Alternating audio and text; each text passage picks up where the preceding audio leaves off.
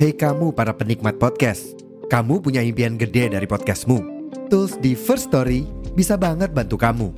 Mulai dari F-Link, Dynamic Audio Insertion, sampai statistik yang komprehensif, semua ada di First Story. Gak ketinggalan, kamu bisa monetisasi podcastmu lewat iklan dari First Story Ads yang bisa kasih kamu penghasilan dari setiap place podcastmu. Yuk gabung sekarang dengan klik di firststory.me. Sekali lagi, di firststory.me. Mari kita bawa mimpi podcastingmu menjadi kenyataan.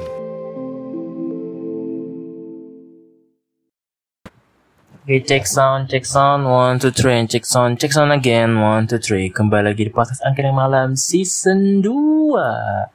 Kapum, pum, pum, pum.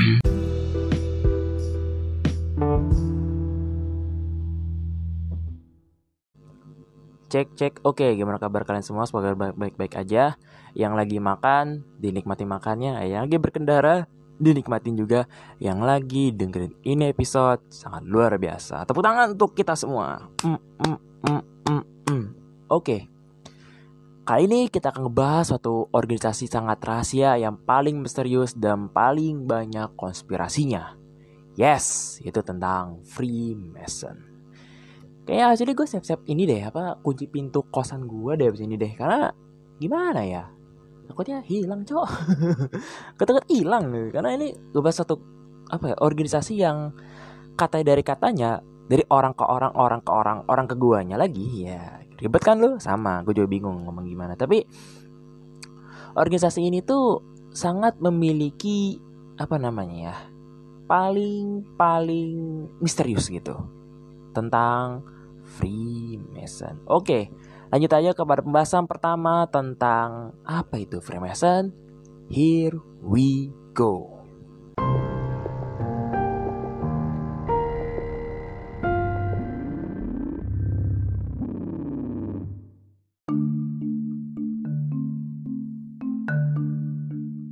Oke, kali ini pembahasan sangat serius. Kita akan harus pelan-pelan, tapi santai.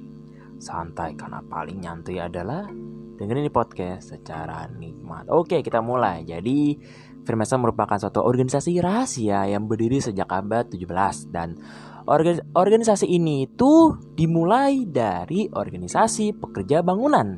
Kalau bahasa Indonesia adalah kuli. Nah, kuli ini memiliki tujuan untuk mempromosikan etika dan moral dalam kehidupan sehari-hari. Namun, seiring waktu, seiring perjalanannya waktu yang paling ya membosankan ini, Freemason ini menjadi lebih misterius lagi dan dikaitkan dengan kekuatan politik dan ekonomi tertentu. Plus, ya, Freemason ini terdiri dari beberapa derajat yang ditugaskan untuk memahami dan mengajar.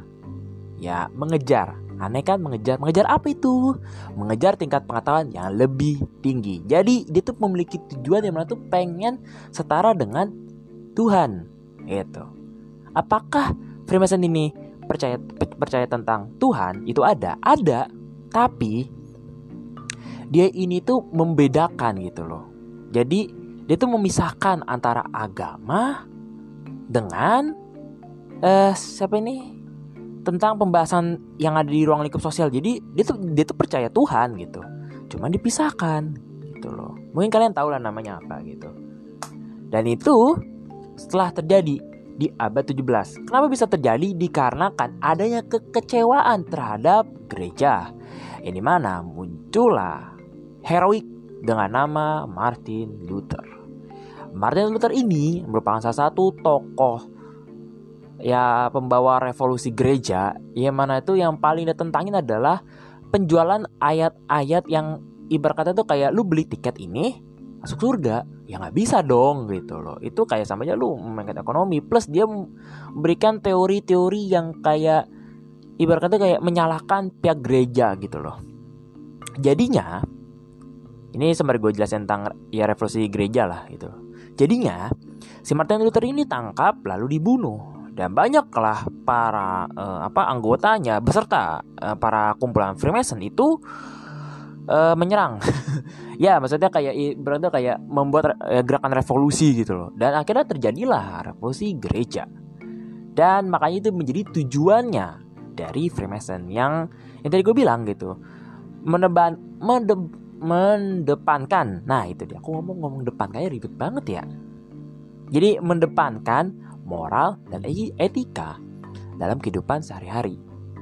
Dan juga Anggota Freemason ini terdiri dari pria yang dipilih dan harus melewati rangkaian tes dan ritual untuk bergabung. Nah, masalahnya banyak orang-orang di luar sana yang beranggapan bahwa ritual ritualnya itu di antaranya kayak menyembah setan atau kayak menyembah pohon atau apa pun itu. Kita nggak ada yang tahu. Bahkan sampai detik ini pun gue juga nggak tahu. Sumpah. Karena apa? Itu saking misteriusnya nggak ada di Google. nggak ada di buku sejarah nggak ada di lang apa langganan gue baca ini apa informasi informasi gue nggak ada nggak ada bingung gue tapi kebanyakan dari orang-orang itu maksudnya orang yang emang dulunya tuh merupakan seorang kulit tapi di dialihfungsikan maksudnya apa jadi terjadinya penggantian posisi antara yang awal kuli bangunan menjadi para politik dunia beserta para seni, beserta para bangkir dunia. Kalau bangkir dunia kita pasti kita kenal tahu lah. Pendiri dari JP JP Count gitu. Kita kenal itu. Las, musisi, piano. Siapa lagi kalau bukan Beethoven? Dia jelas cok, jelas anggota Freemason. Banyak yang meng, apa ya menggambarkan bahwa dia itu emang seorang Freemason gitu. Dari dia cara apa fotonya foto dia apa maksudnya di seninya loh. Ya pada saat dia lagi gambar dia kan menunjukkan simbol-simbol apa gitu. Yang ya kayak tusuk ya itu dia kayak uh, kubu uh, bantengnya itu aja dah. Aduh besok gua aman ya Allah Bismillah. Oke lanjut. Jadi ya terjadinya pergantian posisi yang mengakibatkan banyak spekulasi-spekulasi atau konspirasi-konspirasi yang ngebuat Freemason ini menjadi jelek. Padahal tujuannya itu baik gitu. Saya lagi gue emang lagi ngebahas tentang Freemason. Bukan mendukung ya. Awas lo para pendengar gue bilang ih Bang ini mendukung matamu gitu. Matamu. Gue gak mendukung sama sekali Tapi gue bener lagi menjelaskan Oke? Bedain ya Tolong. Seperti itu. Dan juga Serangkaian tesnya itu kadang ada yang bilang kayak disiksa dulu lah. Bukan kayak orang lagi di, di fix Apa kayak orang masuk ke dalam apa ke apa kayak sekolah polisi ya? Bukan. Bukan tentang sekolah polisi bukan. Tapi bener-bener kayak lu tuh bener-bener dites secara fisik secara mental kayak ah mungkin salah satunya kali ya. Kalau gue bisa tahu karena ada satu uh, forum gitu yang menjelaskan bahwa ritualnya itu cukup keji gue nggak bisa sebut tapi kayak lu tahu ini deh apa dah? Yang kayak lu pernah nonton Saw nggak? Gitu loh. Mungkin ada satu adegannya bukan yang kejamnya yang kayak dibelah gitu bukan. Cuman yang kayak apa ya? Ya intinya tuh kayak lilin apa pun itu ada gitu. Katanya ada. Katanya. Gue nggak tahu secara aslinya gitu. Dan juga kadang yang apa tadi kan tadi kan gue mengut apa men, apa mengutip nggak mengutip kayak menyebutkan kata tingkat pengetahuan yang lebih tinggi. Maksudnya apa? Jadi kayak dulu orang-orang dulu itu kan kayak beranggapan bahwa semakin tingginya ilmu maka kita kita akan setara dengan Tuhan. Padahal ya salah gitu. Karena ya Tuhan tuh lebih lebih banyak ilmunya, lebih pintar dari kita karena itu the creator, the creator gitu. Pembuat kita hanya menjadi kayak yang udah hasil jadinya loh. Kita nggak bisa gitu. Tapi Orang-orang Freemason beranggapan bahwa bisa banyak. Dan hasil-hasilnya menurut para forum yang gue cari bentuk-bentuk apa namanya yang sering kita jumpai di HP ataupun di di TV ya satunya ya berita nah itu kadang ngebahas tentang konspirasinya cuman gue belum bahas tentang konspirasinya dulu sama sekali jadi tahan dulu ya tahan seperti itu Lalu si anggota Freemason itu dipanggil itu loji. Apa tuh loji? Loji itu sebuah kumpulan gitu loh. Maksudnya kayak ada loji dari pihak Eropa atau pihak Inggris atau pihak Asia gitu-gitu. Dan loji yang paling terkenal di Jakarta eh sorry. Loji yang terkenal di Indonesia itu di daerah Jakarta. Kalau misalnya tahu tentang yang bangunan bekas Freemason itu gak pernah ada. Nah anggotanya pun anggotanya sangat-sangat luar biasa. Ada yang dari kalangan elit politik di Indonesia pada zaman masih Bapak Soekarno masih ada. Bahkan ada yang dari kerajaan bahkan ada dari ada yang dari agama. Banyak sekali. Dan sekali lagi Freemason ini ya gue lupa. Sorry sorry jadi uh, Freemason free artinya bebas. Mason merupakan perkumpulan. Jadi Freemason adalah perkumpulan orang-orang yang pengen bebas. Nah, tapi disalahartikan dan mengakibatkan sekarang. So, kita bahas mengenai konspirasinya. Here we go.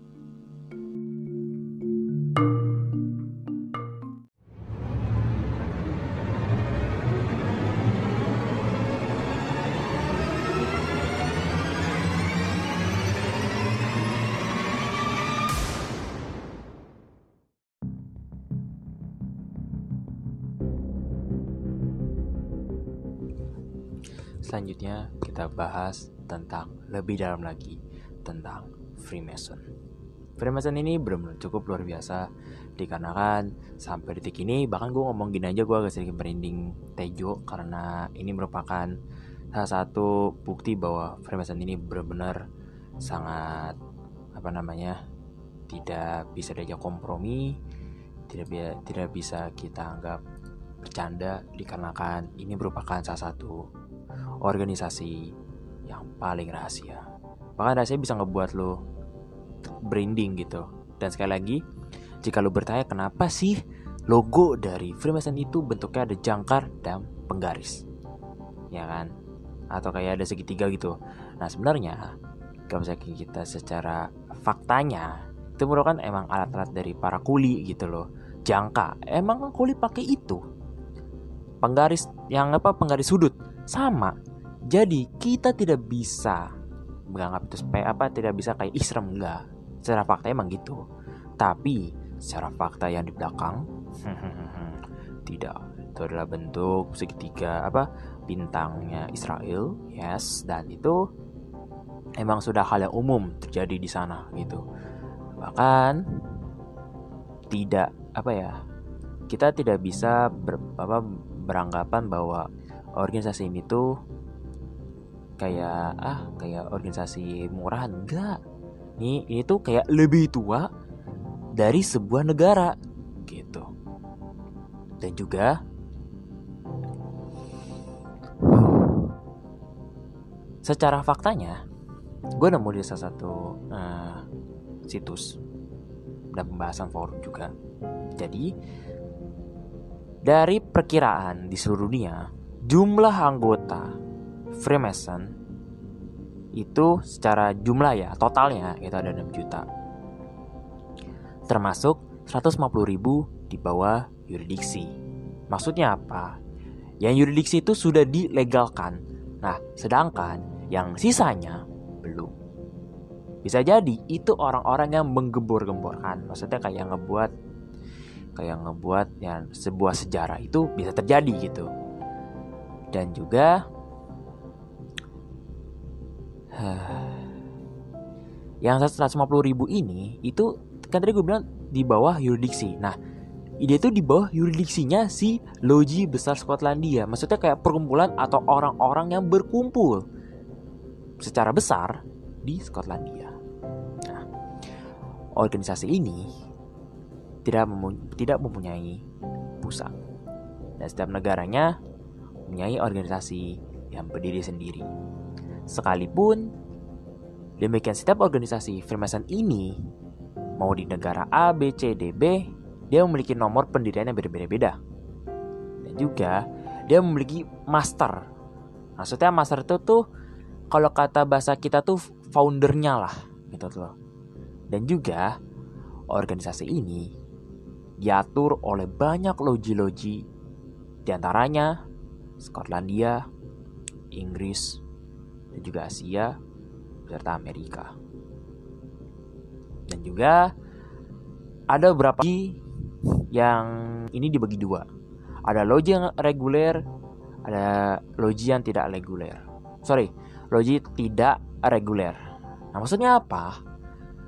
Loji reguler itu sudah diresmikan oleh negara. Maksudnya itu sudah di fix ini loh boleh berdiri. Nah, tak regu, tak reguler atau tidak reguler ini itu tidak resmi dan bahkan bisa lebih jahat dari yang kita pikirkan. Dan juga organisasi ini tertutup dan ketat secara penerimaannya dan juga meskipun isinya adalah orang-orang yang mempercayai tentang Tuhan, tapi organisasi ini merupakan organisasi non-agama. Dan dia tidak berdasarkan kepada teologi mana pun. Tujuan utama seperti yang tadi gue bilang, menebankan etika dan moral, dan juga membangun persaudaraan dan pengertian bersama-sama terhadap kebebasan berpikir dan standar moral yang tinggi. Juga, secara sifat, orang-orang yang ada di organisasi Freemason ini memiliki sifat pekerja keras dan juga memiliki kebebasan berpikir. Dan organisa organisasi ini maaf ya kalau gue peletot-peletot karena gue lagi uh, breeding tejo atau enggak? Lanjut lanjut.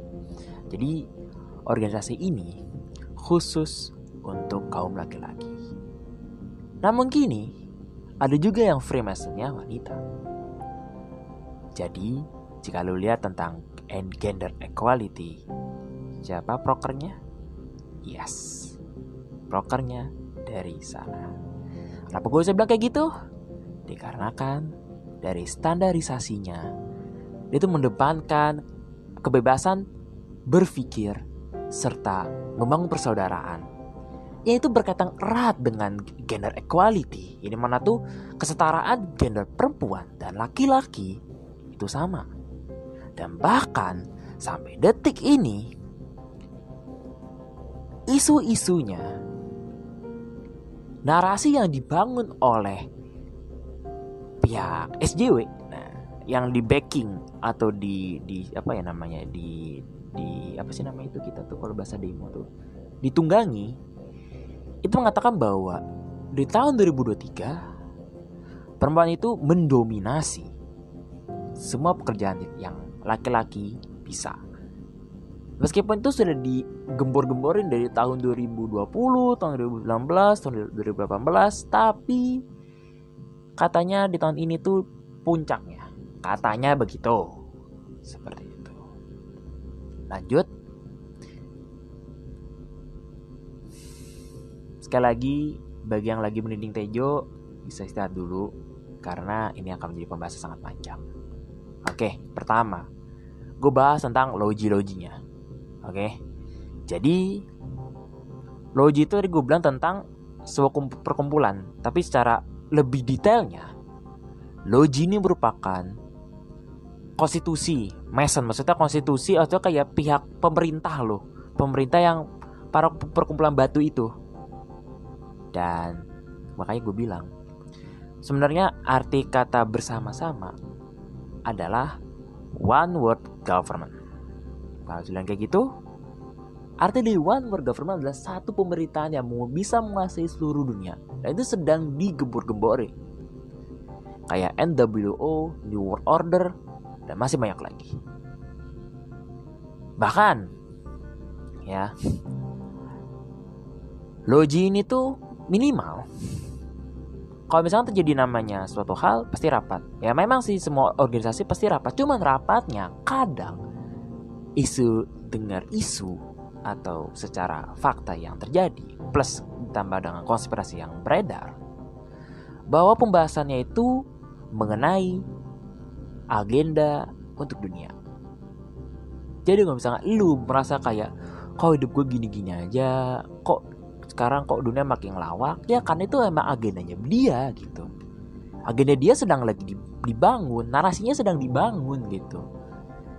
Dan juga free kok free sih privilege dari Logi itu memiliki gampangnya akses bisnis serta jabatan Jadi bagi teman-teman yang lagi mau butuh locker ya silakan.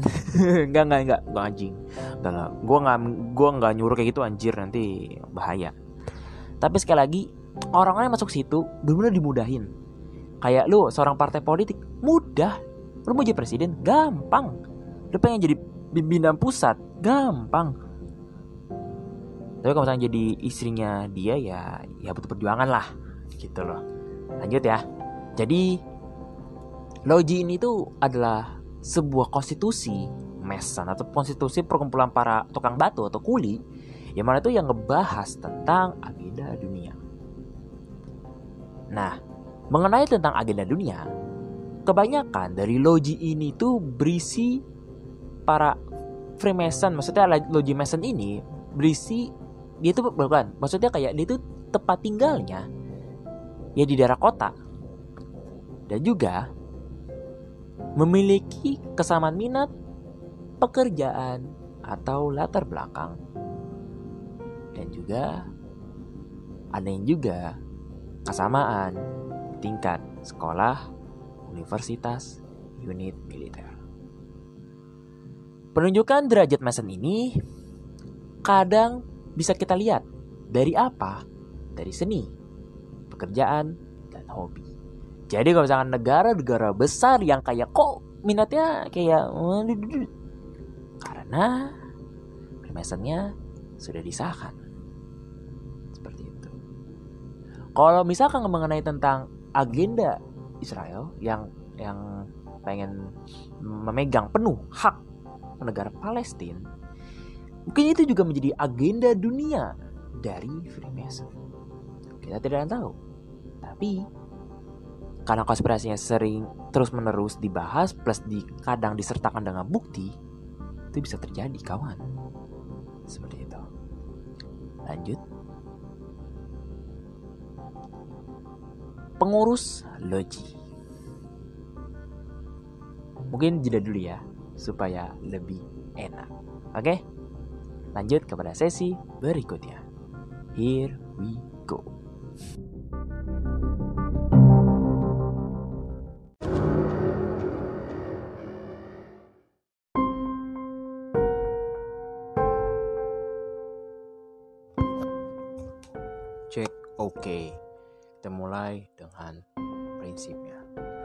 Sebenarnya, Freemason ini lebih mendepankan masalah-masalah kemanusiaan atau humanisme sekuler. Dalam kelompok persaudaraan tersebut, manusia akan terlihat sebagai makhluk hidup atau individu. Ya, lebih tepat kayak wayangnya lah. Nya menjadi titik sentral yang lebih diberatkan.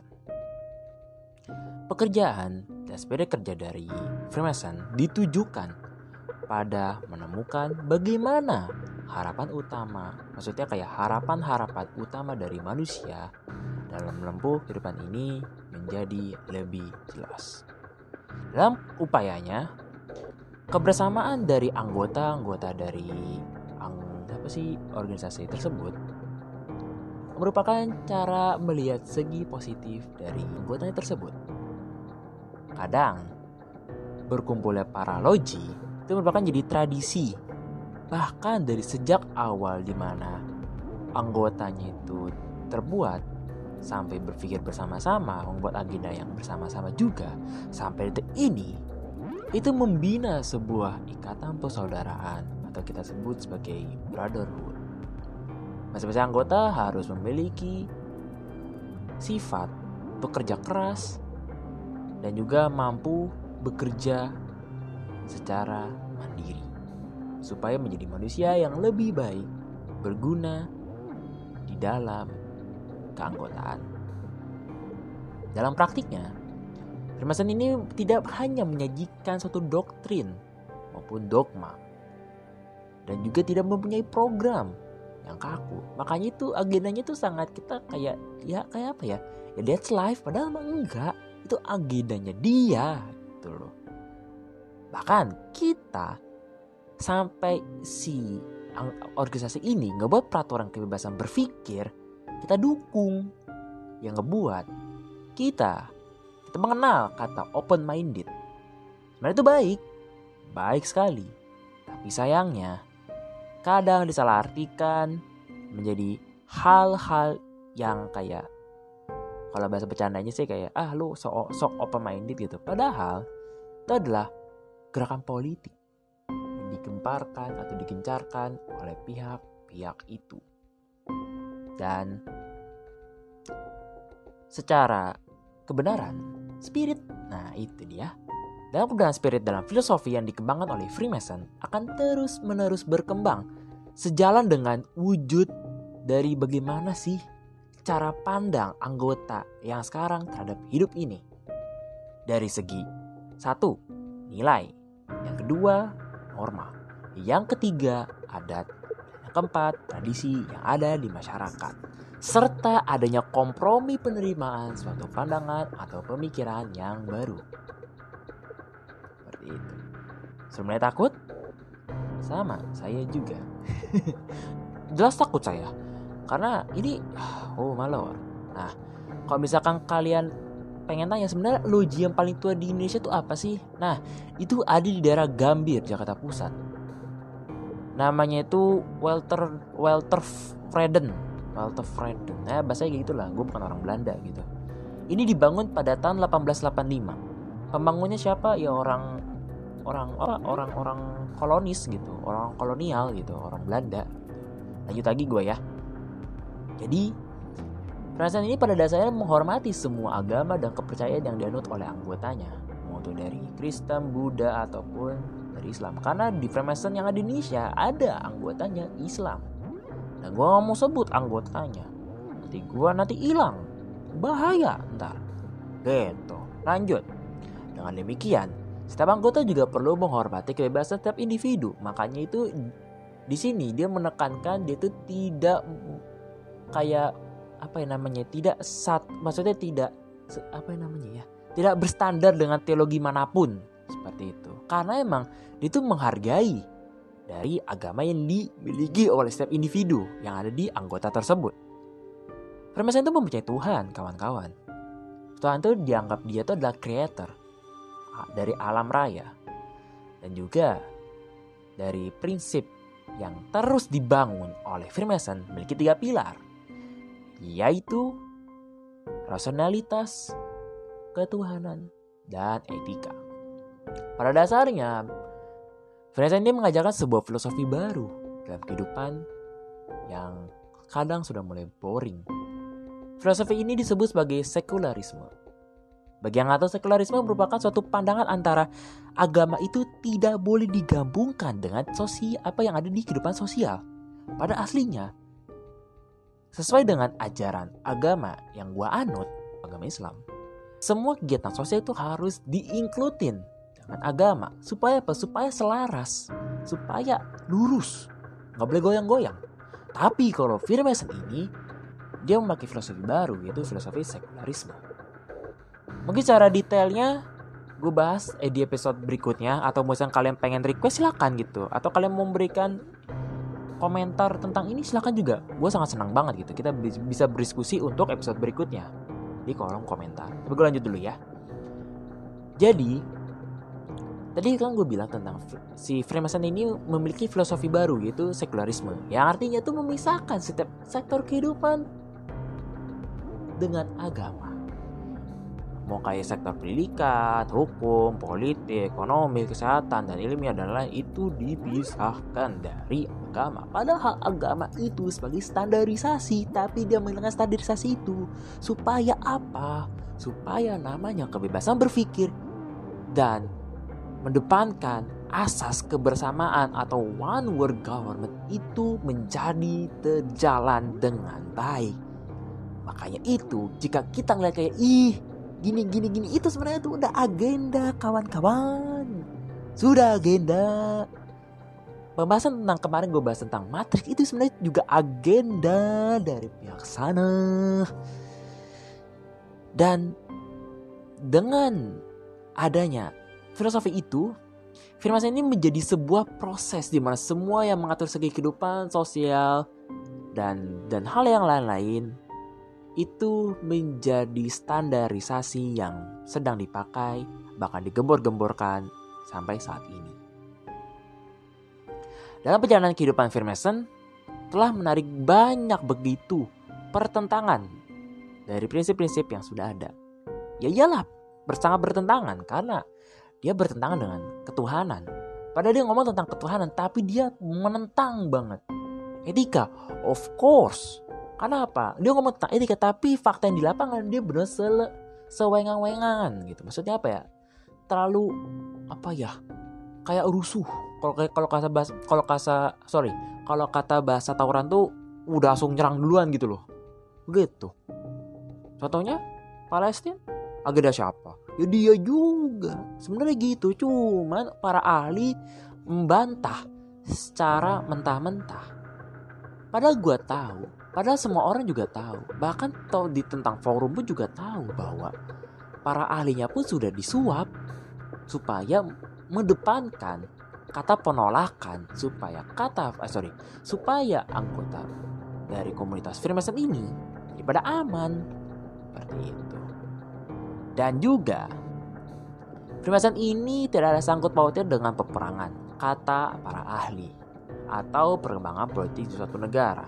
Tapi dalam praktik yang berada, kebanyakan Freemason ini mendonasikan. Kita nggak tahu itu belum benar donasi emang murni keuangan doang atau apa atau apa kita nggak ada yang tahu. Tapi fakta di lapangan ya kalian sudah tahu sendiri dong. Lanjut di pembahasan mengenai kegiatan yang sedang dilakukan oleh Freemason. Meskipun gue bilang di awal adalah sulit ditemukan, tapi ya, ya itulah kekuatan mencari. Lanjut kepada sesi berikutnya. Here we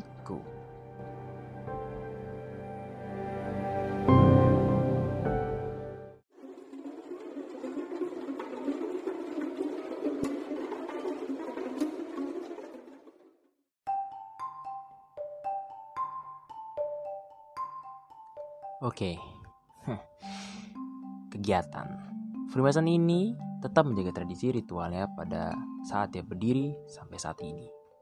Yang merupakan simbol-simbolnya setiap anggota adalah pekerja bangunan, meken atau bahasa Perancisnya gitu, meken. Yang dapat disimbolkan bahwa sebagai batu bata yang disusun menjadi sebuah bangunan kuil. Bangunan kuil ini atau bangunan kuil Freemason ini merupakan simbol dari sebuah masyarakat yang besar.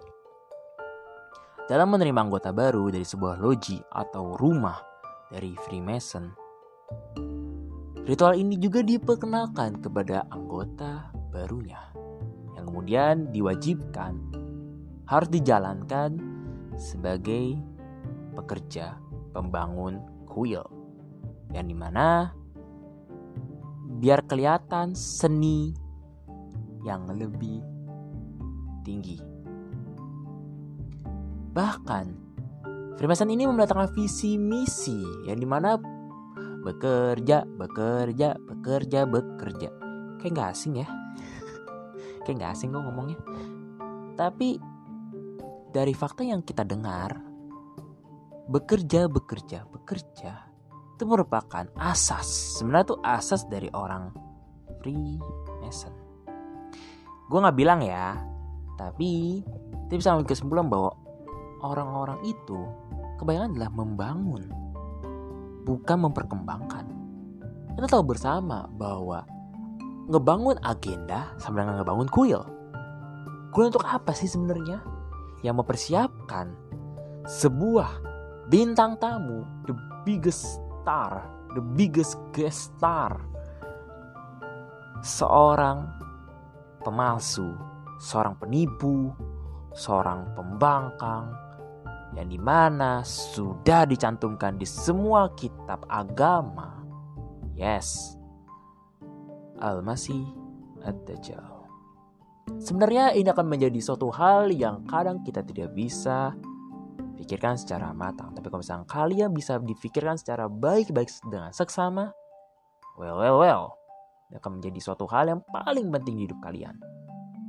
Tapi gue lanjut lagi. Sebagai anggota satu logi, komunitas ini memiliki hierarki tiga tingkatan dari yang terendah yang tertinggi. yaitu ada murid, pekerja, dan master. Nah, setiap master ini mempunyai tugas untuk membimbing murid-muridnya dan membantu para pekerja agar dapat menyelesaikan pekerjaannya dengan baik. Maksudnya apa? Jadi, master itu sebagai kayak founder untuk menyuruh bawahannya supaya ngebuat agenda yang bagus, sebuah pikiran yang bagus supaya tidak kelihatan bodoh, tidak kelihatan itu merupakan agenda yang dibuat-buat oleh komunitas itu dan dilempar begitu aja dengan backupan SCW, backupan dengan orang para ahli yang sudah disuap dan lain-lain gitu. Dan itu ngebuat kita berpikir bahwa ini sebenarnya itu kayak ya udah biasa aja gitu. Pada aslinya kalau misalnya kalian mengerti konsep itu, mengerti caranya, mengerti apa yang ada di dalam pemikiran para orang Freemason akan kalian artikan bahwa itu persiapan. Kayak apa ya eh, yang tadi gue bilang itu mempersiapkan the guest the fucking star the biggest star yes merupakan Al-Masih Ad-Dajjal dan juga gue lanjut lagi para master ini mempunyai hierarki dengan tingkatan yang tertinggi. Itu ada 33 yang merupakan Grand Master untuk suatu negara. Jadi sebenarnya di setiap negara itu sudah punya pemerintah di atas pemerintah sebenarnya. Cuman dari orang-orang sekarang itu ditutup-tutupin. Jadi kalau misalnya kalian berpikir ya, ih kok gini, kok gitu, kok gini. Coba kalian pahamin dulu. Pelajarin dulu secara seksama.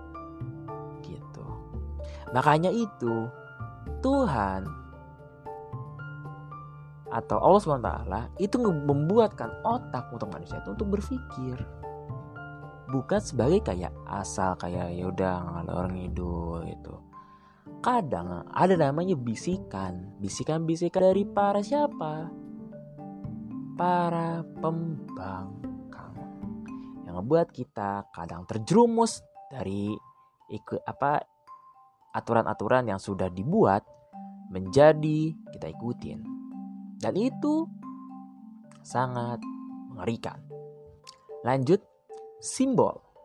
Yes, simbol kuil yang digunakan oleh Freemason adalah Belt Salomo, merupakan simbol simbolik kerja manusia dalam membangun kehidupan masyarakat yang pada pada itu sama atau majemuk maksudnya ya terstruktural tapi agak gitulah yang sampai saat ini permasalahan itu tidak pernah selesai.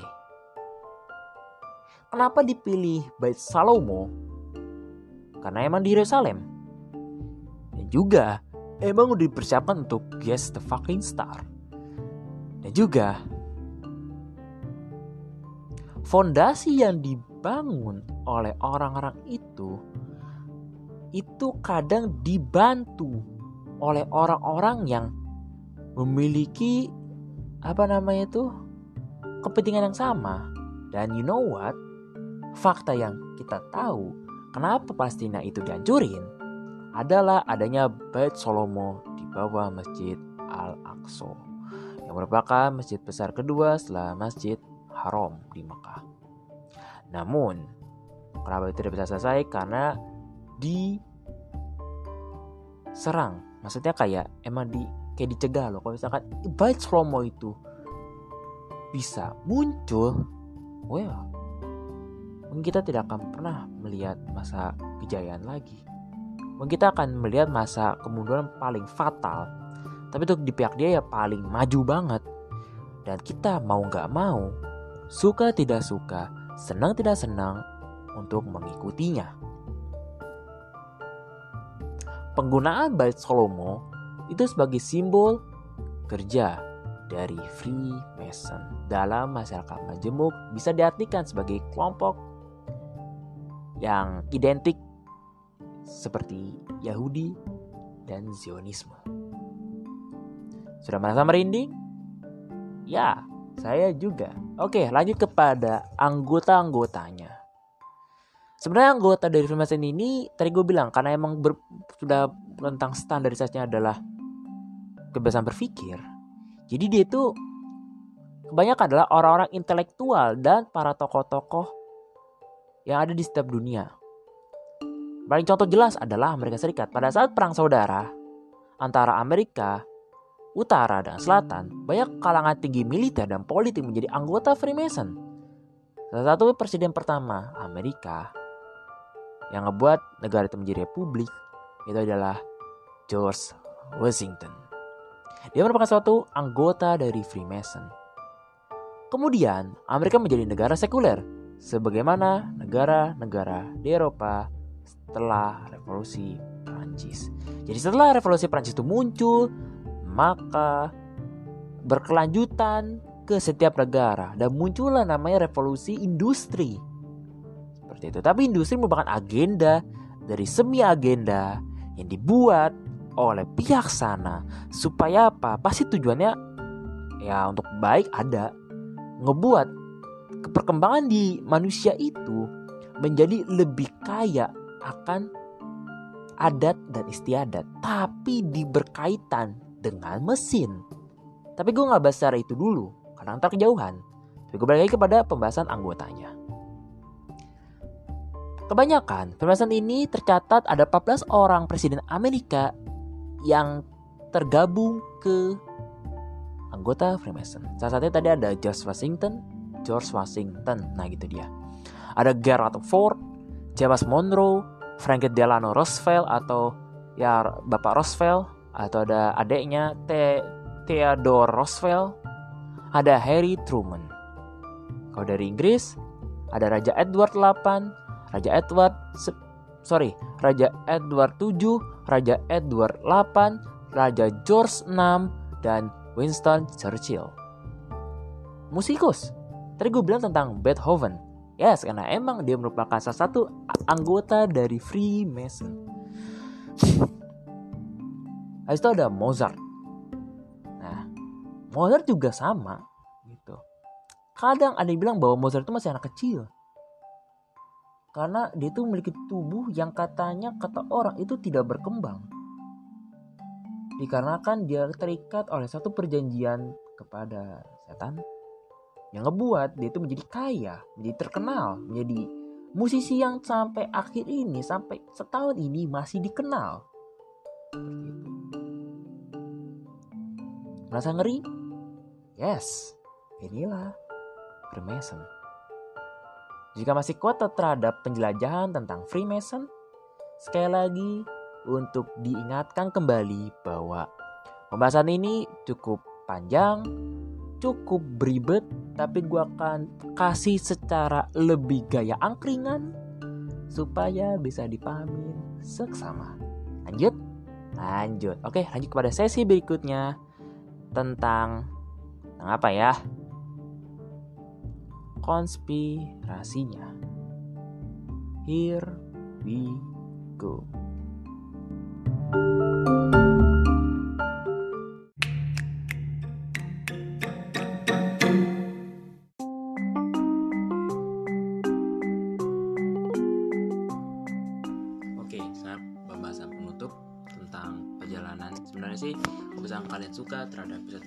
Kalian bisa request di kolom komentar kayak bahas lagi dong bahas lagi dong. Yang mau jenis atau apa pun itu silakan. Intinya selama kalian mau requestnya gue seneng. Misalkan tidak ya udah sampai sini aja gitu pembahasannya. Oke penutupnya adalah pembahasan konspirasinya tentang Freemason. Ya kita tahu sendiri bahwa pembunuhan John F. Kennedy katanya itu dispekulasi bahwa dibunuh oleh komplotan-komplotan dari Freemason dikarenakan John F. Kennedy hidup di sekitar anggota-anggota organisasi Freemason. Namun, teori konspirasi ini tidak pernah dibuktikan. Yang kedua, konspirasi dengan Yahudi dan Zionis merupakan tudingan yang yang sangat sampai saat ini sangat terkenal bahkan sampai bertahun-tahun. Dan tudingan ini dengan Yahudi eh sorry lebih tepat kayak tudingan konspirasi ini yang ditayangkan bersama dengan Yahudi dan Zionis ini berasal dari buku yang terkenal yaitu adalah The Protocol Para Tetua Sion. Namun sebetulnya buku ini ditulis oleh seorang Rusia. Lebih tepat kayak ditulis oleh seorang Rusia dengan nama Sergei Alexandrovich Ilus.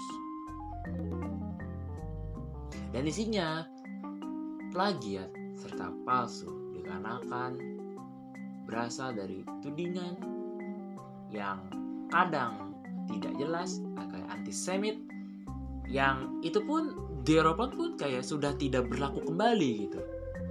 Sekalipun buku ini sudah banyak diganti atau apa pun itu, ya itu kayak ya udah biarlah itu aja. Dan bahkan digunakan oleh para sekelompok antisemit atau anti Freemason yang kedua adalah runtuhnya Tsar Rusia yang menyebabkan adanya perpecahan di dalam negara Rusia. Maksudnya sebelum Rusia berubah menjadi Uni Soviet ya itu kenapa saya bilang gitu? Dikarenakan waktu yang gue inget ya Tsar Rusia ini tuh menolak adanya currency yang baru yang yang membuat agenda yang sudah dibuat oleh The Freemason pastinya itu banyak ditolak bahkan di, di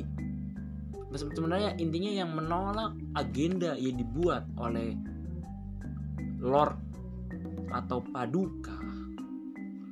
Rothschild selaku petua ketua sih ketua dari Freemason kata orang-orang. Ya siap-siap dia akan menemu ajalnya atau hancur. Nah, itu benar.